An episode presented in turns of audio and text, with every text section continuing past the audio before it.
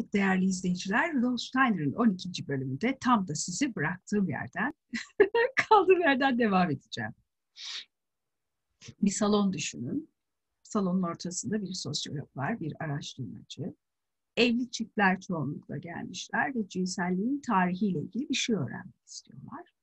Ve kadın onlara diyor ki, kadın erkek arasındaki ilişkinin korku temelli olduğu düşünülüyor. Bakın bu birçok sosyal bilim alanında ve bu alanda çalışan kişilerin üzerinde mütabık olduğu bir şey. Korkuyorsun. Yanınızdaki kocanıza, sevgilinize, kardeşinize şimdi baksanıza ödül kopuyor. Bilinç dışı düzeyde acayip bir kayıt olduğuna inanılıyor sosyal bilimcilerce. Şöyle deniyor. Bu yine düşünce süreçlerinin çok yoğun profesyonelce günümüzdeki gibi gelişmediği dönemlerdeyiz. Erkek hayvan avlıyor, hayvan erkeği her şeyi avlıyor. Her açlık gelince, dürtü uyanınca bu gerilim giderilmek üzere aktif oluyor herkes yemeye başlıyor. Şimdi adamın aklının almadığı şey şu, ya diyor bu mamut, tabi böyle diyemiyor o zaman da yani ben tiyatrolaştırayım. Ya diyor bu şimdi diyor bu Allah Allah diyor. Şimdi şu arkadaşım diyor bu mamut saldırınca ya da işte piton falan saldırınca yani ölüyor.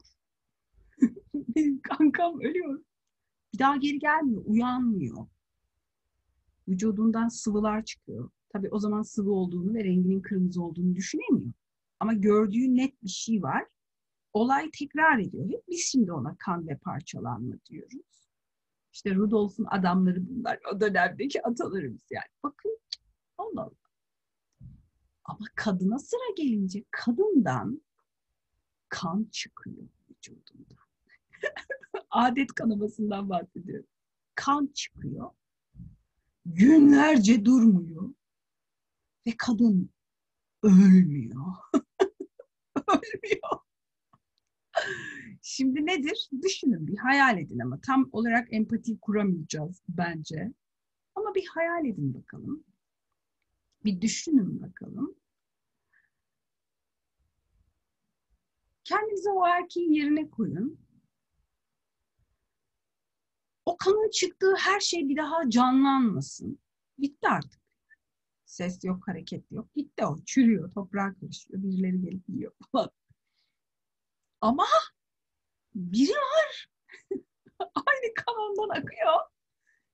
Günlerce akıyor. Ki günümüz için hani ortalama beş gün bir adet kanaması dönemi kadın için aylık. Değil mi? Ortalama. Ya da 3-10 gün arası falan. Ha nedir? Bakıyor. Hani düzenli aralıklarla kadın kanıyor. Ama kadın hareket ediyor. kadın yaşıyor. İçeriden bir şey çıkıyor, çıkarıyor yani. Allah ölmüyor. İşte biz kadınlar ve erkeklerin aramızdaki sonradan sosyal gene, sosyolojide öyledir, sosyal gen, sosyal gene dönüşecek olan şeyin en temelde bu olduğunu savunan yüz binlerce sosyal bilimci var. Ve o kadar mantıklı ki.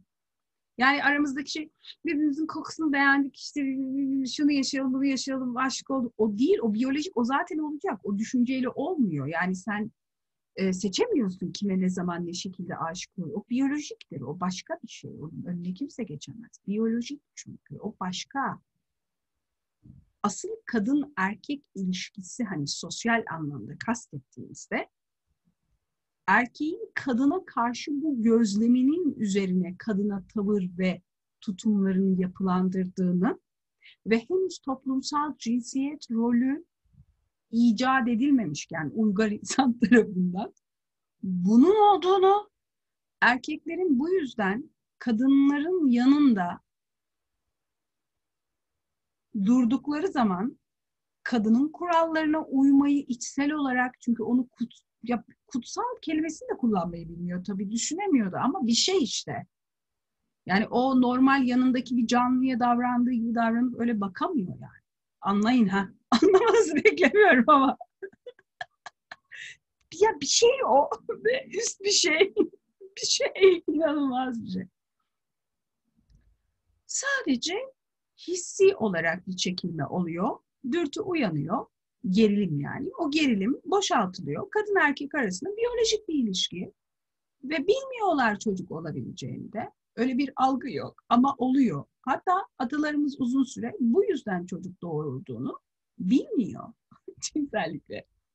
Şey, e, cinselliği yaşamak ile, şimdi cinsellik kavramı ayrı bir kavramdır. Şimdi orada onun konusuna girmeyelim. Yanlış kullanmayalım. Bu eylem ile çocuk doğrulduğunu da bilmiyorlar. Yok yani. o kadar enteresan ki. Ve ilk tanrıça yani ilk tapınılan şeyin yine kadın olması. Size bir done daha sundum. Sebebi budur yani. O yüzden erkekle kadın arasında kan var. Kan. Erkek kadına karşı tutumunu kolektif bilinç dışında, şimdi Karl Jung yaşasaydı da bize ne güzel anlatırdı değil mi? İşi o, onun alanı. Ya da Rudolf Steiner anlatsaydı bayıla bayıla dinlerdik. Ne diyor? Bu kan gözlemi yani ölümsüzdür kadın. Ölmüyor, ölmek bilmiyor. Bu bir korkudur. Sadakat, sadakat ve aldatma kavramlarının arketipinden bahsediyorum. Aslında gerçek hayatta bakın çok ciddiyim ve bir bilim kadını kimliğiyle konuşuyorum. Ha özel hayatımda da böyle düşünüyorum. Gerçek hayatta aldatma diye bir şey yok aslında. Biliyor musunuz? Gerçek hayatta sadakat diye bir şey de yok. Hepsi illüzyon. Bir şey seviyorsan o şeyle gidersin. Sevmiyorsan o şeyle gitmezsin ama sosyal olarak bir yapılanma var aranızda. Yapı sizi bırakmıyor. Kölesi olmuşsunuz. Sen aslında yoluna gitmek istiyorsun. Hakkını yaşadığında onun adı aldatma oluyor. Şimdi bütün beni linç edeceksiniz. Ama sizin zannettiğiniz şeyden bahsetmiyorum. Azıcık beni takip ettiyseniz daha böyle derinde bir şey, bir şey parçalamaya çalışıyorum size. Çünkü benim kafam öyle çalışmaz yani. Haber Türk'ün değildi ya. Aa radyonun adını unuttum. Bir gün şehirde minfal yaptım. Çıktım dedim ki aldatma hakkında bir şey ortalık yıkıldı. Aldatma çok çirkin bir şey kötü karmalı, iğrenç. Kendine yapıyorsun yani. Ruh eşin hayatına çekilmez. Ya anca arınman gerekir. Ya deli gibi arınırsın. Ondan sonra gerçekten doğru kişi hayatına çekilir. Perde açılır. Çekilmez de. Çekim yasası yok da perde açılma yasası var aslında. Çekim yasası gerçekten yok bu arada biliyor musunuz? Ezoterizmde çekim yasası yok. Venüs yasası var. Ona da kolaylık yasası deniyor. Amerikancılar benim sevgili hemşirelerim. Onlar size biraz uydurmuşlar açıkçası. Çekim diye bir şey yok ama iyi, iyi para getirdi ama. Perdenin açılma yasası var. Yani her şey her an burada bizimle. Sadece aradaki perde çekildi. Ve erkekler ve kadınlar arasında günümüzde bu kavramlar ve çok daha fazlasının kökünde erkeğin kadını kendisinden farklı görmesi var. Erkeğin cinsel organı ve kadının kimliğin farklılığından kaynaklanmıyor. Ha kadın erkek oluşumu. Bunu silin aklınızdan. Gerçek bilim dünyasında böyle tartışılmıyor. Onlar ucuz bilimsel magazin ucuz söylemler. İşte bakıyor oğlan kendisi farklı, kız bakıyor kendisi. Ya onlar sonraki aşama o düşünmeye başladığınızda ona geç sen bir alabildiğine platonik psikoloji yani derine gidelim daha ne var diye. Derinde şöyle demiyor. Aa benim farklı karşıdakinin farklı yani biz farklıyız demiyor. Öyle bir şey yok. Algılamıyor bile. Kanı algılıyor ama. Çünkü her defasında o şeyin aklı şey bir daha kımıldamıyor. Bu kımıldayabiliyor. Nasıl yani? Mesela çok eskiden Zerdüşt peygamberin tapınaklarında adet dönemindeki kadınlar ibadete kabul edilmiyor. Sabiilerde de öyle, Harranilerde de öyle yani eski inançlarda henüz ilahi dinler yok yani bunlar ilahi dinlerin kök ataları. Niye? İşte oruç tutmasın adet gören kadın diye günümüze gelen bu şeyler. Sebebi çok basit. Ölmek demek kanının akması demek. Ölüler diyarına ait olan bir şey cenneti vaat eden bir davranışın içinde yer alamaz. Çünkü o ölü. Hani o çok bilmişler. Aşağılıyor kadınları. Ne demek tapınaklara kadınlar adetliyken alınmıyor? Hayır, müthiş bir saygı var. Ölüye saygı var.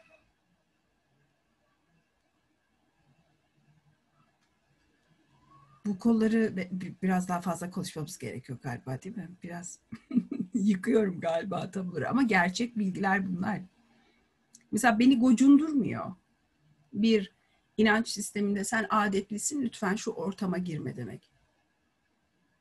Cahillerse bu söylemlerinden dışlanma varsa ötekileştirme ben mücadelemi verdim zaten. Hala da veriyorum. Ama ben bu konuyla vermiyorum kötü niyetleri ne bu konuyu alet edip bana yürümelerine tepki veriyorum. Ama konuya saf haliyle bilimsel, objektif baktığın zaman ölülerin giremeyeceği yerler var. Çünkü korkutuyorsun diyor. Ölüm giriyor içeriye diyor. Bu uğursuzluk da değil ha. Sakın. Sakın. Burada çok büyük bir felsefe var. Çünkü ölü ait olduğu yerde olmalı. Diri ait olduğu yerde olmalı. O yüzden arkadaşlar biz ölürüz. Kadınlar ölür. Kadınlar her ay en az üç gün, ortalama beş gün ölür. Ve yeniden doğar.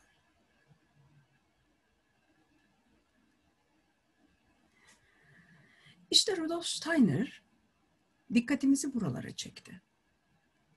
Buraya iyi bakın dedi. Toplumsal cinsiyet rollerinizdeki görev dağılımlarını anlamak istiyorsanız özellikle kadın erkek ilişkisinde kadın ve erkeğin en temelde birbirini nasıl gördüğünü. Erkek bakıyordu, kanı akıyor bunun günlerce ve bu kişi ölmüyor. O yüzden erkekler içsel olarak kadınlardan korkar. Gizeminden korkar aslında. Kadının kendisinden değil. Güçlü olduğunu bilir kadının bir erkek. Ve bir erkek bir kadın güçsüz olduğunda kendisi güçlü olmak zorunda hisseder. İçindeki kadınsı yanı güçlendirmek için. Bunu hiçbir zaman unutmayın. Zannederler ki kadın zayıf olduğunda ne anlamda? Sorumluluk alma bilinci zayıf. Erkek onun adına birçok sorumluluğu yerine getirir. Halbuki eşit olmalı değil mi? Yani artık biz bu düzeydeki varlıklarız. Ama erkek bir anda kadın adına her şeyin kararını verip yapmaya başlar. Kadın hiç düşünmez. Bir süre sonra değil mi? Böyle ilişkiler hala yaygın homo sapiens sapiens içinde. Aslında bu kötü gibi görünen şeyin pozitif bir tarafı var. Erkek sosyal yeteneklerini geliştirebildi. Bizim bu bu ne ezik ilişki dediğimiz şeyin hani her karanın bir ak üretimi var ya hani her şeyin bir de her şerrin bir hayır tarafı deriz yani. Her işte bir hayır var falan. İşte bu o. İşte bu o.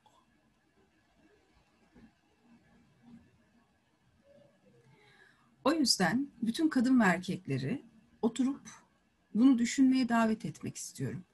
Rudolf Steiner atalarımıza bakmamız gerektiğini ve henüz düşünce değil, duyguların oluştuğu sürece annelik kavramına ve kadının vücudundan düzenli olarak akan kan kavramına ve kadının yaşarken ölümü deneyimleyen bir varlık olarak algılanıp bu gücünden korkulmasına. O yüzden tanrıça denilmesine.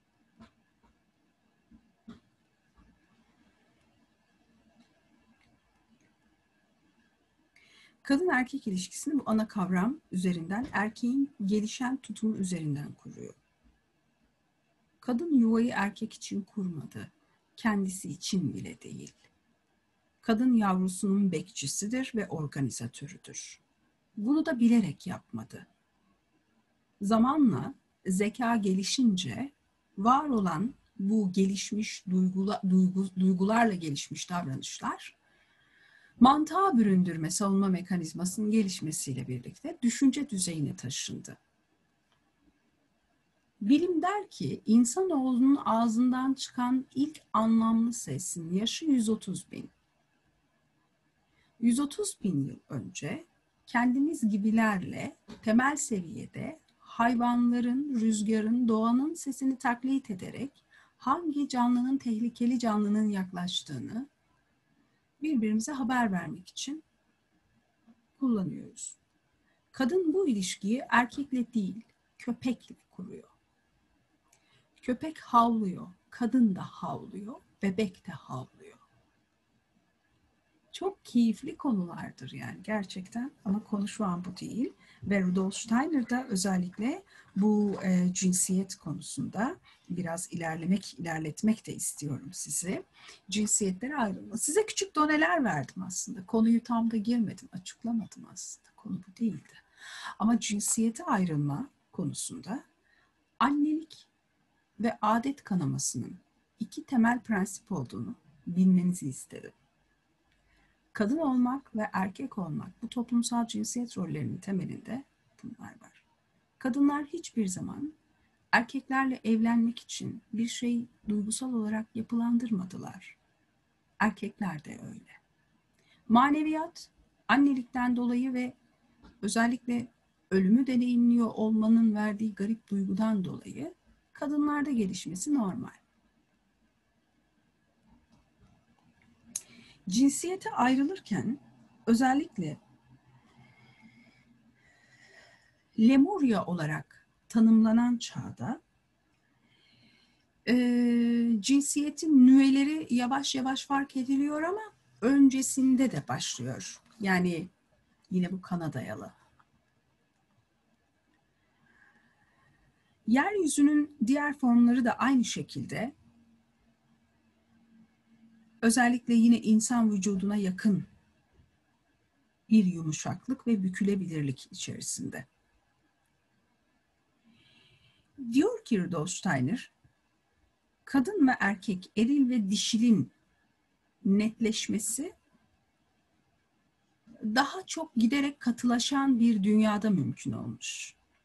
Mesela gezegenimizi bu eril dişil ayrımları yokken eski öğretiler nasıl tanımlıyormuş biliyor musunuz? Su daha kalındı diyorlar. Hava daha ağırdı diyorlar. Ondan sonra e, taşlar şimdiki kadar böyle sert değil, kayalar yok diyorlar. E, her şey yumuşak ve bükülebilirdi diyorlar. Yani şimdi böyle yürüyoruz ya yolda. Bu kadar sert değilmiş yer. Bir kaya kaya değilmiş yani. Çok ilginç. Ve Böyle bir gezegensel şart altında insan ruhu tam böyle bir şart altında gezegende kendini maddede dışa vurduğu için bu maddeyi kendine sonraki dönemlere kıyasla çok daha büyük ölçüde uydurabiliyordu. Ruhun erkek ya da dişi bir bedene bürünmesi, dışsal dünyevi doğanın birini ya da diğerini buna dayatması olgusundan kaynaklanıyor. Maddi cevherler henüz katı hale gelmediğinden ruh bu cevherleri kendi yasalarına uyması için zorlayabiliyordu. Ruh bedeni kendi doğasının bir iz düşümüne dönüştürmüştü. Durun durun size Türkçeleştireyim.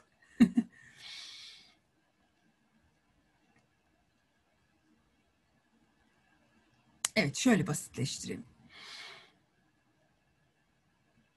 Milattan önce 5. yüzyıla kadar zaman dairesel olarak algılanıyor. Dark dizisini izlediniz mi? İşte oradaki zaman.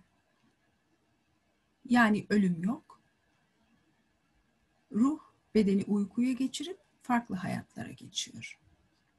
Hepimiz her an paralel evrenlerimizde yaşıyoruz demek günümüz dilindeki karşılığı. Milattan sonra, milattan önce 5. yüzyıldan sonra artık ihtiyaçlarımızı karşılamayan Homo sapiens sapiens'in bu evresinde bizler yani son kuşak 3000 yıla yakın süre olan biz, bizim kuşak Homo sapiens içerisindeki bizim yerimiz, bizim tarzımızdaki hani uygarlaşma yaklaşık 3000 yaşında falan zaten. Zaten bu süreci fark ettikten sonra birçok varlık kendi boyutuna çekiliyor. Bizim zamanımız geliyor. Yani Yüzüklerin Efendisi'ndeki yüzük bize takılıyor yani gibi düşünün. Artık Aragorn'un zamanı gelmiş falan. Ne güzel isim. Bir gün bir oğlum olursa adına Aragorn koyacağım. Çok seviyorum bu ismi.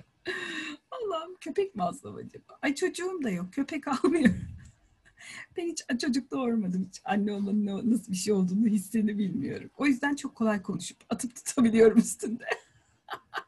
Hadi ve oradan ben bir kadınım. Hissederim yine de. Dolayısıyla Aragon ismi güzel. Yani oğlan çocuğuna verilebilecek güzel bir isim.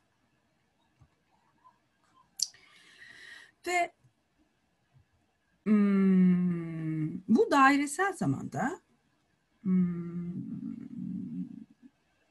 hayatlar arası, boyutlar arası, paralel evrenler arası hayatlarınıza, geçmiş gelecek enkarnasyonlarınıza ruhunuz e, ziyaretlerde bulunuyor.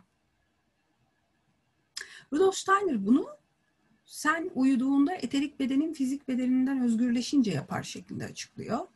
Ben de kendim en çok bu üslubu kullanıyorum. Niye? Çünkü Rudolf öyle dedi. Çünkü o öyle dedi. Onu çok seviyorum. Çünkü en akıllınız o. Ve sınıfın en çalışkanı bir tane. Ve o kadar garip bir yaklaşım sunuyor ki bize eserlerinde Rudolf Steiner. İyi dinleyin bak şimdi o kadar karmaşık cümleyi çok Türkçeleştireceğim. Evet da, zaman dairesel gibi düşünelim. Ki bana göre de dairesel, hala hep dairesel. Lineer zaman da var, inkar etmiyorum. Çünkü onu ürettik. Milattan önce 5. yüzyıldan bu yana ürettik yani. Lineer zaman diye bir şey yoktu. Bu Homo sapiens sapiens'in son kuşağının icadı. Bizim atalarımızın icadı. Biz atalarımız. Sonra çünkü çok kuru ve sığ bu bakış açısı diye daha heyecanlı. Ne karmalarımı mı geziyorum? Reenkarnasyon 3 yaşam önce mi gitmiş? Bence bu daha güzel.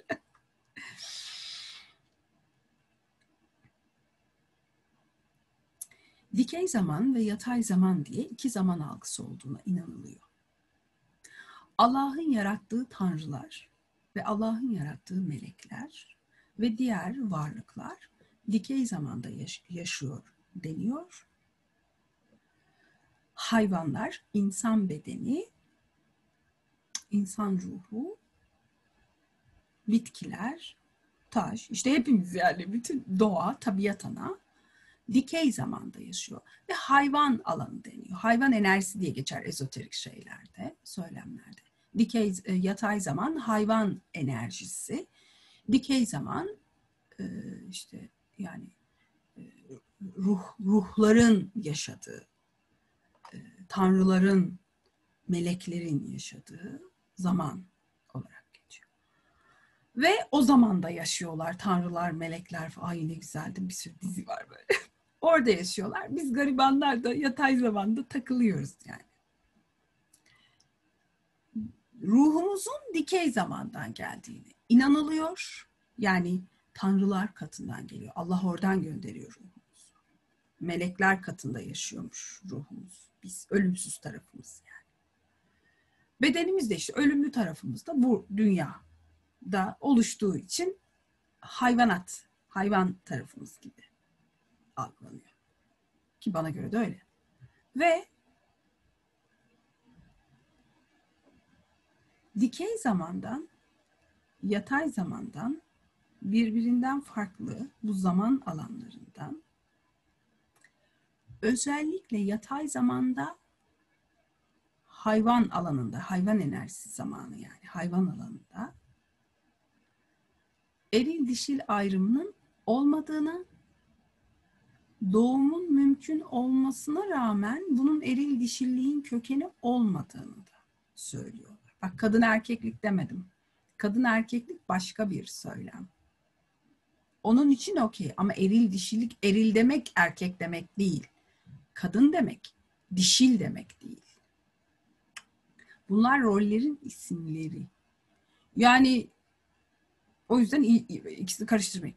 Daha da köke indik. Daha plutoniyiz şimdi. Daha böyle Rudolf'cuyuz. Daha kökteyiz. Daha dünyada da böyle her şey hayvan yani. Düşünce yok.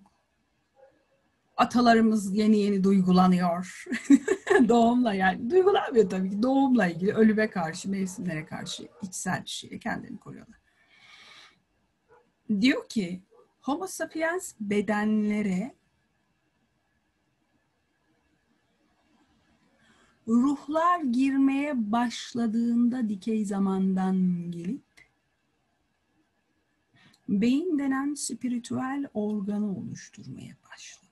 Rudolf Steiner da beyin ruhsal, spiritüel bir organdır ve ruhsal, spiritüel bu organı ruh bedene girebildiği için yanında içinde getirdiği bir takım bilgileri bedene yükleyerek ruh beyin denen o ince zarın oluşmasını sağlıyor. Bir de bir sürünüz şey sanıyoruz. Yani kafatasının içindeki beyin var ya kas yani. beyin kasıyla beyni karıştırıyor. Bir soğan zarından bile incedir. Beyin denen organ. Ve buradan başlar. Elim yordamla göstereyim böyle. Şuralarda falan bir tane böyle soğan zarından bile ince. Ee, e, her an bir buzdolabı ampulünün üçte birin biri civarında elektrik üreten bir organ. Spiritüel bir organ. Ruh çok bomba bir yere geldim. Bedenlerimiz olabilir. Atalarımızın geçmişte bedenleri olabilir. Ama ruhları yokmuş.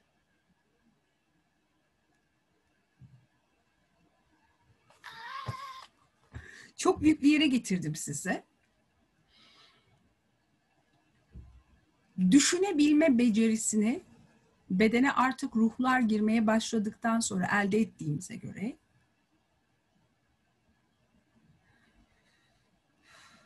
yani farkında olduğunun farkında olma haline geçişimizi sağlayan şey ruhumuzun oluşu diyor Rudolfçuğumuz.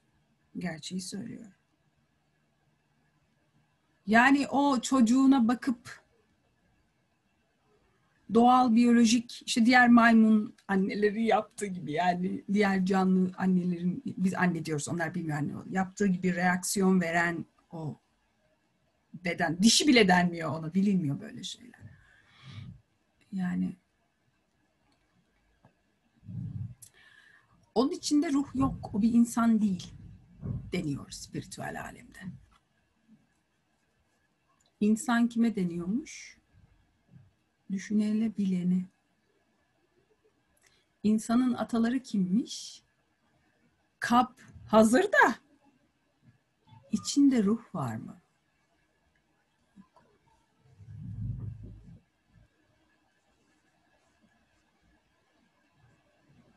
Bunlar Frederick Nietzsche'yi çok etkilemiş olmalı.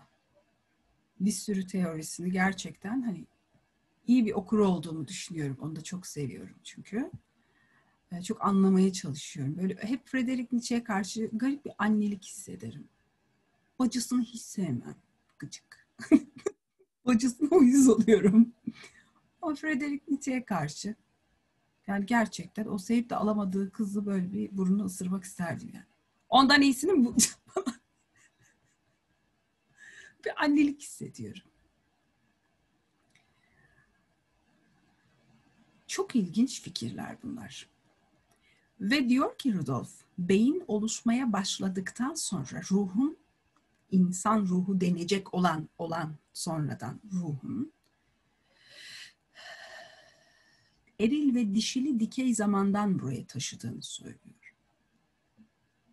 Bizim bugün kendimizde eril dişili enerjiler olarak gördüğümüz şey var ya Rudolf diyor ki bu diyor bu yatay zamana ait değil diyor. Bu dikey zamandan ruhun buraya taşıdığı bir şey.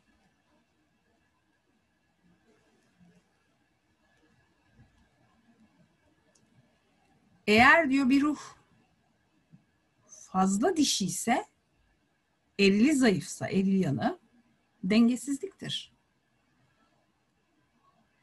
Kişinin ruhsal tekamül yolculuğunda çok da ilerlemediğini görürsünüz. Eğer birinin eril tarafı çok güçlü, bu kadın dolu bir erkek dolu hiç önemli değil yani. Eril tarafı çok güçlü öyle ama dişi tarafı çok zayıf. Bu da bir dengesizliktir. Bir ruhun tekamül yolculuğunda ilerlediğini nereden anlarsınız?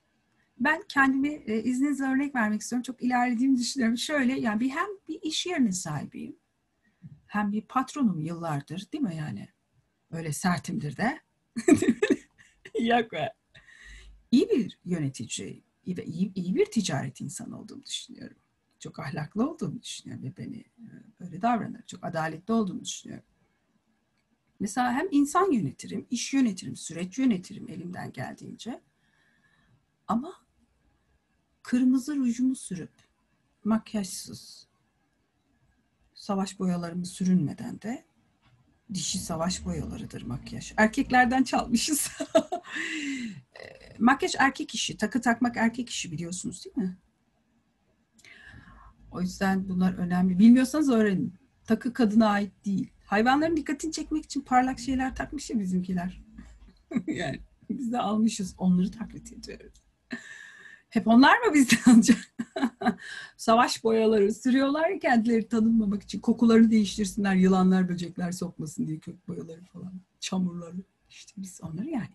Makyaj ve takıyı bize armağan eden erkek kardeşlerimize sonsuz teşekkür ediyoruz. Kökeni avcılığa dayanıyor. O yüzden iş hayatında kadınlar makyaj yapmadan kolay kolay işe gitmezler. Topuklu ayakkabı da kadının totosunu kaldırır, arka bacak kaslarını geliştirir ve kadının omuriliğini dik tutar. Dik duran şey e, bilinç dışında Freudian bakış açısında e, uyarılmış cinsel bölgedir. O yüzden kadını eril yapar. Hani siz diyorsunuz ya dişi görünmek için topuklu ayak dişi görünmek için topuklu ayakkabı giyilmez teknik açıdan. Bilinç dışına dişilik vurgusu yoktur. Uyarılmış bir cinsel organ e, psikolojide öyledir yani. Ve o kadına karşı böyle kalırız. O yüzden lütfen topuklu ayakkabı giymeyin. Makyaj yapın, savaş boyalarınız. Bir yandan çok dişi, esprili, şahane bir varlığım. bir yandan da emir verir ve çalıştırırım da yani. İşte benim bu özelliklerimi, benim ruhum hani Hallacı Mansur'un tavasında bahsettiği kırkları var ya böyle hani. Her bir enkarnasyonunda diyor ruhun bir şeylerin sınavını verir. Güçlendikçe sen her bir sonraki enkarnasyonda eğer lineer akıyorsak ki bana göre değil. Bence biz e, şu anda biri kendi gelecek enkarnasyonunu deneyimliyor mesela. Sen veya sen şu an geçmiş enkarnasyonundasın. Ben benim kafa nasıl biliyor musun? Outlander dizisi var ya ay bayılıyorum. Yani, yani tabii Sam Hugan'a da bayılıyorum. Diziyi onun için izlediğimi söylemiyorum ama yakışıklı çocuk. Bilmiyorum İskoç seviyorum ben. Benim İskoç enkarnasyonum ve Britanya enkarnasyonum aşırı. Ben bu gezegende en çok o coğrafyada enkarne oldum. Beni oraya bir salın. Avucumla koymuş gibi bulurum. İskoçya'daki evimi hatırlıyorum. Oturup bunu hayal ediyorum. Acaba şimdi yıktılarmış, yıkmışlardır falan diye tabelaları hatırlamaya çalışıyorum. Harfleri hatırlıyorum. O dili bilmiyorum. Basıyorum harfleri harbiden öyle kelimeler var falan. Kendimi eğlendiriyorum işte. Yani Facebook'ta gezmekten iyidir galiba. Şaka bir tarafa. Aa, eril ve dişil yan dengesi ve oluşumu dikey zamanla ilgili diyor Rudolf Steiner. İşte ruhsal tekamülünüz ve yaşadığınız hayatlardaki iyi niyet üzerine kurulu, ekolojik düşünceler üzerine kurulu olan doğaya saygılı gökyüzü ve yeryüzünün senkronizasyonu, bu müthiş uyumuna uyumlu yaşayan, kendine ve çevresine hayırlı hayatlar yaşadığınızda sınavlarınızı hep böyle merkezinizde kalarak ne gelirse gelsin onunla sabit kalıp değil mi? Psikoterapi profesörleri öyle der. Hastan karşında senin nasıl davranırsa davransın. Bir rol seç ve hep o rolde kal. Sana uyumlanacaktır ve böylece ilerleyebilecektir. İşte bu da onun gibi. Yani hayat size ne yaparsa yapsın bu insana dairdir. Önemli olan senin başına gelen o şeye nasıl tepki verdiğindir. Çünkü karma senin adına öyle yaratılmış olacak o an. O yüzden Rudolf der ki dikey zamandan size bahşedilen ve beyin aracılığıyla var olabilen, beynin oluşmayan düşünme aracılığıyla buraya akabilen eril dişil enerjiyi iç dünyanda dengeleyebilirsen şayet e, hayat senin cennetin olur. Yani cennette yaşamış olursun burada. Eril ve dişil dengesi çok önemli ve kaynağını da Rudolf kendince yeryüzünün dışsal alanından buraya e, gelen e, var olan zaten var olan insan bedenlerine girip onları tam ve bütün yapan ruhun marifetidir diyor. İnsan diyor Rudolf Steiner, e, maneviyatla donanmış ki maneviyatın kaynağını anneliğe bağlıyordu. Kadınla başlıyor sonra erkekler. İnsan maneviyatla donanmış bir varlık haline geldiğinde kendisinde meydana gelen şey yine bir tür döllenmedir. Ruh enerjisinin fazlası sayesinde oluşturulabilecek içsel organlar zihin sayesinde beslenir. Kendi içinde ruh, eril ve dişil olmak üzere iki yönlüdür. Kadim zamanlarda insan kendi bedenini yine bu esas üzerine oluşturmuştur. Daha sonra kendi bedenini sadece dışsal bağlamda bir başka bedenle birlikte hareket edecek biçimde oluşturabilir. Dolayısıyla ruhun kendisi maneviyatla birlikte hareket etmek yeteneği de kazanır. Maneviyat başka bir şey, ruhun yanında taşıdığı, içinde taşıdığı eril dişil başka bir şey. Maneviyatı kökenini doğuma bağladığı yani yatay zamana bağladı. Oysa ki biz maneviyatı günümüzde ne olarak algılıyoruz? İlahi olanla bağlantı kurarım ben maneviyatım. Maneviyatım güçlü demek, duygularımın farkındayım ve ben bu duygularımla hareket edebiliyorum. Duygularımla düşüncemi hani birlikte kullanabiliyorum duygu düşünce bütünlüğümü fark edebiliyorum. İlerliyorum. Manevi olmak bu demek. Bir yaradana inanmak manevi olmak değil ki. Duygulardır maneviyat. Önce bu kavramları bir oturtalım bence. Ruhun getirdiği erille dişil olanı bedendeki duygular yani maneviyatla birleştirerek şimdiki insana dönüştüğümüzü anlatıyor kısaca o kadar uzun ve karmaşık gelen cümlelerin altında bu var aslında. Ve özellikle dışsal bağlamda insan bundan böyle dış andan hareketle döllenir. İçsel bağlamda içten hareketle maneviyat aracılığıyla dönlenir. Şimdi ise eril bedenin dişil bir ruha, dişil bedenin de eril bir ruha sahip olduğu söylenebilir. Günümüz insanı için söylüyor. İnsanın bu içsel tek yönlülüğü maneviyat aracılığıyla döllenme sayesinde telafi edilir. Burayı da açıklayalım. Rudolf'un burada bize söylenme, söylemeye çalıştığı şey şu. Bazılarınızın ruhunda, hani tekamülünün durumuna göre, bazılarınızın ruhunda dişilik ağır basar ama bedeniniz erkek bedeni yani. Ama dişilik ağır basıyor. Eğer sen duygularınla gerçekten onların farkındasın, düşüncelerinin farkındasın ve dengelenebiliyorsun. İşte o zaman diyor dengeye gelirsin.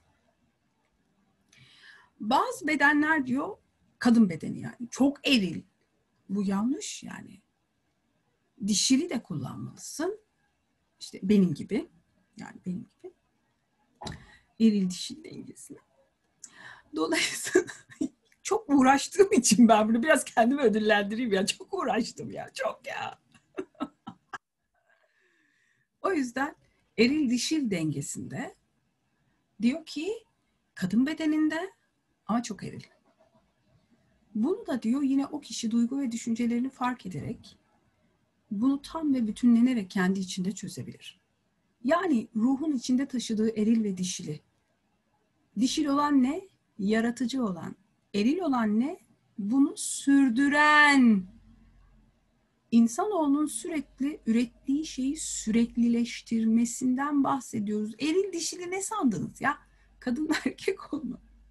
Hayır. Yaratıcı olan dişildir. Ruhun dişi tarafıdır. O yüzden yaratım Venüs ya, Venüs dişi. Eril, en eril Mars ya hani. Mars da hareket, ileri gitmek, götürmek. Götürmek. Mars, Venüs ayrılamaz birbirinden. Ruhtaki Mars, Venüs, eril ve dişil. O yüzden sizler iç dünyanızda ürettiğiniz şeyi abartmadan ve ona köle olmadan ileri götürebilip zamanı geldiğinde bırakmayı bunun zamanı doldu. Başkalarına teslim ediyorum. Şimdi yeni bir projeye girişiyorum. En sağlıklı şekilde hareket edebiliyorsanız siz eril ve dişil dengesini iç dünyanızda oturtmuş kişilersiniz demektir. Türkçesi bu. Evet. 12. bölümde sonuna geldik. Yine Rudolf Steiner'a ve tabii bana doyamadık. Farkındayım. 13. bölümde bu cinsiyetler konusunda devam edeceğim. Söyleyeceğim. Çok şey var. Kendinize çok çok iyi bakın. Sevgiyle kalın. Görüşmek üzere.